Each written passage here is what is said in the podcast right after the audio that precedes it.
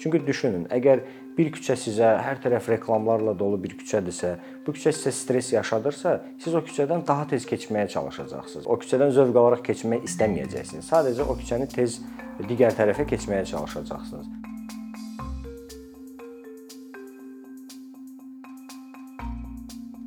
Dizayn kod nədir? Dizayn kod ümumiyyətlə şəhərin mühitini formalaşdıran, şəhərdə olan bütün reklam lövhələrini, insanların rahatçılığını təmin edən, kiçik memarlıq memarlıq formalarının rənglərini, ümumiyyətlə ümumiyyətlə bütün bu mühiti formalaşdıran anlayışa dizayn kod deyilir əslində. Bakıya ilk e, dizayn kod anlayışı, yəni adı e, dizayn kod e, adı ilə olmasa da, amma Bakıda ilk dizayn kod anlayışı 19-cu əsrdən formalaşmağa başladı.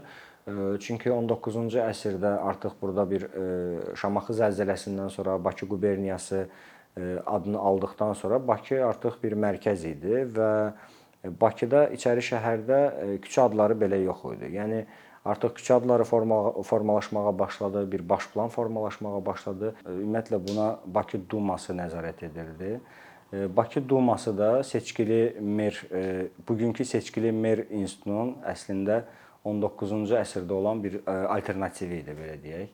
Hmm, və ümumiyyətlə bütün o zaman tikilən binalar Bakı Dumasının qərarı əsasında tikilirdi və Bakı Duması buna qərar verirdi. Hətta o zamanlar tikilən binaların fotolarına belə baxsaq, o binaların fasadlarındakı reklamlar, reklamların şriftləri Bakı Dumasının ümumiyyətlə məclisindən keçməsə ona icazə verilmirdi. Bu daha sonralar Sovet e, Sovet dövründə də Bakının bir e, yenə də bir vahid dizayn kodu olmasa da, e, amma buna riayət olunurdu, buna nəzarət edilirdi. Sovet dövründə biraz sistem başqa idi ümumiyyətlə. Hmm, çünki sifarişçi də dövlət idi, layihəçi də dövlət idi. O məkanları istifadə edənlər də yenə dövlət idi belə deyək. Ancaq bu müstəqillik dövründə biraz fərqli fərqli cür inkişaf etdi. Çünki iqtisadiyyat dəyişdi, iqtisadiyyata yanaşma dəyişdi, özəl biznes formalaşdı və təəssüf ki, Bakının bir vahid dizayn kodu olmadığına görə bu biraz xaotik şəkildə inkişaf etməyə başladı. Bu gün Bakıda bunun fəsadlarını, çox ağır nəticələrini görürük. Bu bütün bu problemlər əslində bizim həyatımızın yəni həyatımızın bir hissəsidir. Çünki e, şəhər, həmçinin şəhər, yaxşı şəhər insanı formalaşdırır. Churchillin bir sözü var idi. Churchill deyir ki, ilk öncə biz binaları tikirik, şəhəri formalaşdırır, sonra o insanlar, üzr istəyirəm, o binalar insanları formalaşdırır. Biz yaxşı şəhər formalaşdırmalıyıq ki, yaxşı insanlar da formalaşsın. Yaxşı mühit yaratmaq üçün də ilk öncə şəhərin vahid dizayn kodu olmalıdır. Bu mütləqdir. Niyə bu cür inkişaf etdi? Çünki bizim yəni xaotik şəkildə inkişaf edən iqtisadiyyat, biznes filan bu şeylər həmin bu reklam sektoruna da öz təsirini göstərdi. Şəhərdə Bakının vahid dizayn kodunun olmaması ilk öncə ən yəni problemli məsələ tarixi binalara ziyan vurmağa başladı. Tarixi binaların pəncərələri dəyişdirilməyə başladı. Yəni binanın fasadlarına kondisionerlər, ümumiyyətlə bütün bu aqreqatlar falan asılmağa başladı. Çünki vahid dizayn kodu yoxdur Bakıda. Həmçinin yeni tikilən binalarda da, yeni tikilən binalarda yəni də şəhərin vahid dizayn kodu olmadığına görə daha çox biznesmenlər düşünür ki, yəni reklamları nə qədər böyük olarsa, o qədər daha cəlbedici olar. Amma bu qətiyyən belə deyil. Şəhərin siması itdikdən sonra, çünki o biznesmenlər yəni belə deyək, kapitalist mövqedən yanaşdıqlarına görə yalnız özlərini, öz bizneslərini düşünürlər və düşünürlər ki, mənim reklamım nə qədər böyük olsa, o qədər cəlbedici olacaq. Qətiyyən belə deyil. Reklam lövhələri, yəni binanın arxitekturasını pozmamalıdır. Hətta yeni tikilən binalarda belə, yəni memarlar əmin olmalıdır ki, bu bu bu gün məsələn bizim layihələndirdiyimiz binalar gələcəkdə şəhərin bir simasını formalaşdıracaq. Şəhərin simasızlaşdırmayacaq da belə deyək. Amma biz bunlardan əmin deyilik. Yəni mən bir memar kimi bundan əmin deyiləm. Çünki biz bu gün hətta ən yaxşı belə bina layihələndirsək, o binanın yəni reklam yerləri əslində düzdür. Burada memarlar özü öncədən düşünməlidir bu detalları. Reklam lövhələrinin yerlərini, harda asılacaq, onların rənglərinə qədər özləri düşünməlidir.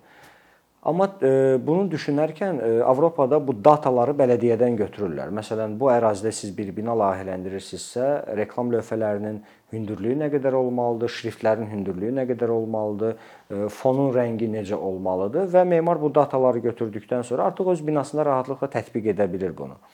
Təəssüf ki, bizdə belə deyil. Yəni binanı layihələndirdikdən sonra onun üzərinə necə reklam vurulacaq, ümumiyyətlə kim nə istəyəcək asacaq. Yəni Bunlar da yenə də həmin o binanı da xaotik vəziyyətə gətirir.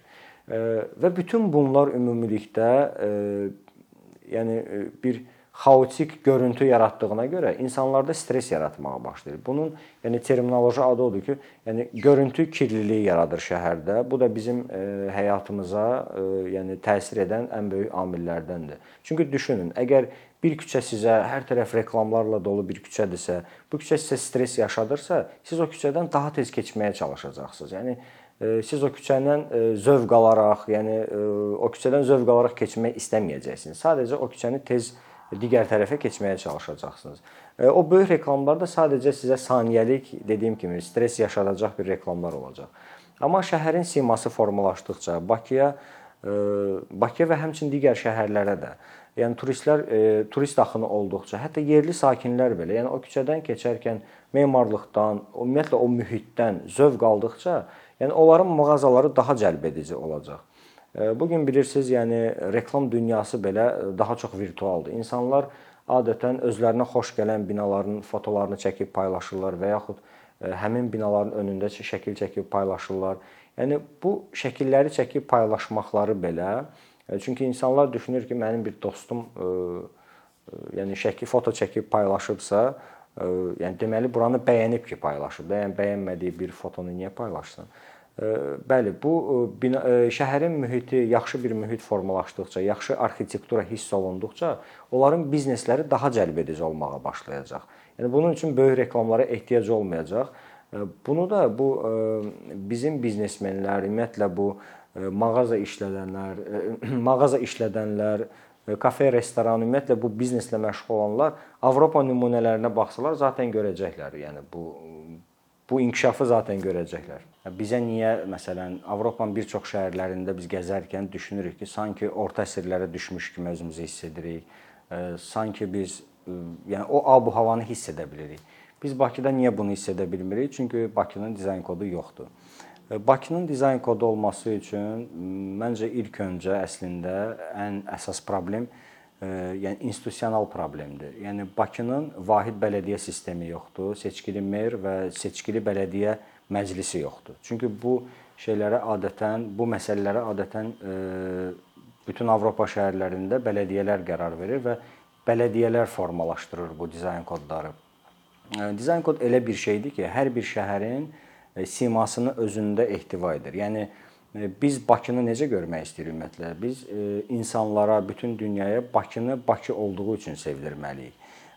Məsələn, siz fikir versəz Bakının küçələrində Parisdən gətirilmiş köşklər və yaxud Londondan götürülmüş telefon budkaları və yaxud hətta bizim mərkəzi küçəmiz olan Nizami küçəsində belə İstanbuldan kopyalanmış hansısa o küçə ticarətləri filan var. Düzdür, onu hansısa bir formaya salmaqsa, amma bunlar hamısı imitasiyadır. Yəni Bakıya məxsus olan bir şeylər deyil və Bakının simasını formalaşdırmır. Çünki yenə də Bakının dizayn kodu yoxdur.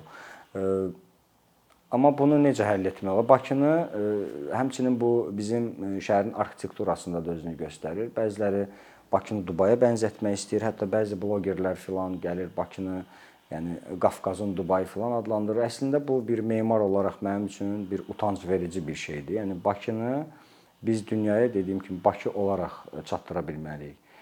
Bakı əslində unikal şəhərdir. Çünki Bakının hətta bir çox Avropa şəhərlərindən fərqi odur ki, Bakının şərq keçmişi var içəri şəhər kimi. Bakının burja dövrü var, Bakının Sovet memarlığı var və Bakının müstəqillik dövrü var, müstəqillik memarlığı var. Müstəqillik dövrünün memarlığı var. Dizayn kodun əslində yəni bir neçə formaları var. Daha sərt tətbiq olunan, məsələn, İçəri şəhərdə biz daha sərt dizayn kod tətbiq edə bilərik. Hətta şriftləri belə, onun fonları, rənglərini belə RAL kodlarla seçib, yəni ondan kənara çıxmamaq şərti ilə. Çünki İçəri şəhər elə bir yerdir ki, ən tarixi yeridir Bakının. Onu maksimum şəkildə qoruya bilməliyik. Daha sonra bizim 19-cu əsr, 20-ci əsrin əvvəllərində inkişaf etmiş o burjua memarlığını qorumaq üçün çünki dizayn kod ancaq reklam lövhələrini tənzimləmək üçün deyil. Yəni o binaların fasadlarındakı pəncərələrdən tutmuş, qapıların detallarından tutmuş, yəni dam materialına qədər ümumiyyətlə hər bir şeyi, yəni qoruya bilən bir anlayışdır. Yəni dizayn kod olmadıkca bizdə bəzən belə düşünülür ki, filan bina dövlət tərəfindən qorunur, reyestrə salınıb, amma binanın binanı qorumaq təkcə o binanın daşını qorumaq deyil də, həmçinin o binanın detallarını, pəncərələrini ümumilikdə qoruya bilməkdir.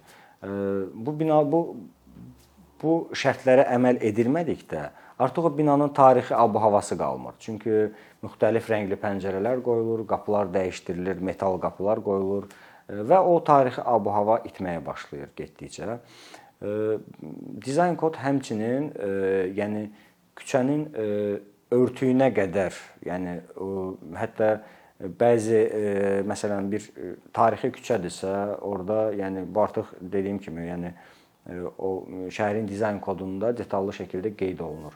Yəni tarixi küçələrdə küçəni bu gün istəyirik daşı sökək, ora asfalt vuraq. Yəni bu şeylər olmamaq üçün, bu şeylərin baş verməməsi üçün mütləq, yəni yenə də şəhərin dizayn kodu vacibdir. O o mühiti, yəni biz hiss eləyə bilməyimiz üçün bu vacibdir. Yəni dizayn kod olmadığına görə biz bu şəhərdəki nə içəri şəhərdə, nə bu bizim burjua dövrünün, yəni burjua dövrünün memarlığında, memarlığında biz o ab-havanı təəssüf ki, hiss edə bilmirik.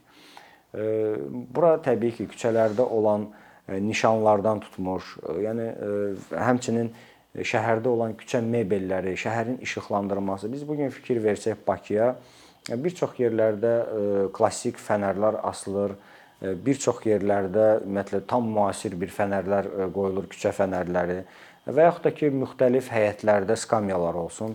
Həyət müxtəlif küçələrdə müxtəlif skamyalar qoyulur. Yəni şəhərin başqa bir hansısa bir parkında başqa bir cür skamya, digər bir yerində tamam başqa cür bir skamya. E, stilistika fərqli ola bilər, amma e, yəni dizayn kod elədir ki, o materialları, onun e, rəngini, bir çox şeyləri e, yəni özündə ehtiva edir və vahid bir görüntü kimi insanlara çatdırır və şəhərin ümumi bir e, siması formalaşır. E, bu gün Bakının siması ona görə itirilib ki, Bakıda e, vahid bir dizayn kodu yoxdur və bu artıq itirilməyə başlayır. Kim necə kim necə istəyir reklam lövhələri asır, kim necə istəyir skamyalar qoyur hətta yol nişanları belə, yəni istənilən yerə qoyulur, istənilən tərzdə qoyulur. Onun ölçüləri belə, yəni bu qədər böyüklükdə reklam lövhələri qoymağa belə ehtiyac yoxdur.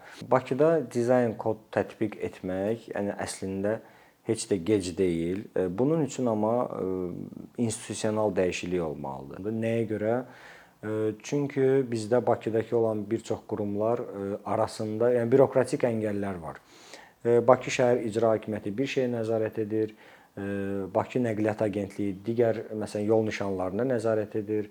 Reklam agentliyi Bakı şəhər icra hakimiyyətinin tərkibində olan reklam agentliyi bu reklamların ölçülərinə sadəcə nəzarət edir. Çünki Bakının dizayn kodu olmadığına görə, yəni buna detallı nəzarət də mümkünsüzdür. Digər bir qurum məsələn Şəhərsalma Arxitektura Komitəsi binaların formasına, arxitekturasına nəzarət edir və bu bürokratik əngəllər Bakının vahid dizayn kodunun formalaşmasına, hətta dizayn kod formalaşsa belə, bu, yəni Bakının dizayn kodu detallı şəkildə işlənsə belə, bunun tətbiqi çətinləşməyə başlayır. Bunun üçün vahid bələdiyyə sistemi mütləq vacibdir. Artıq Bakı həmçinin bizim Azərbaycanın Avropa Şurası qarşısında öhdəliyi də var. Yəni yəni ən azından biz paytaxt şəhər olaraq seçkili mer institutuna keçməliyik. Və bunu da qeyd edim ki, Bakı ümumiyyətlə Azərbaycan yeganə ölkədir ki, e, hələ də seçkili Avropa e, Şurası ölkələri içində hələ də seçkili mer institutuna keçməyib, təəssüf ki. Amma biz bunu artıq mütləq keçməliyik, buna keçid etməliyik ki, biz dizayn kodu, yəni işlənilsə belə bunun tətbiqi mümkünləşsin.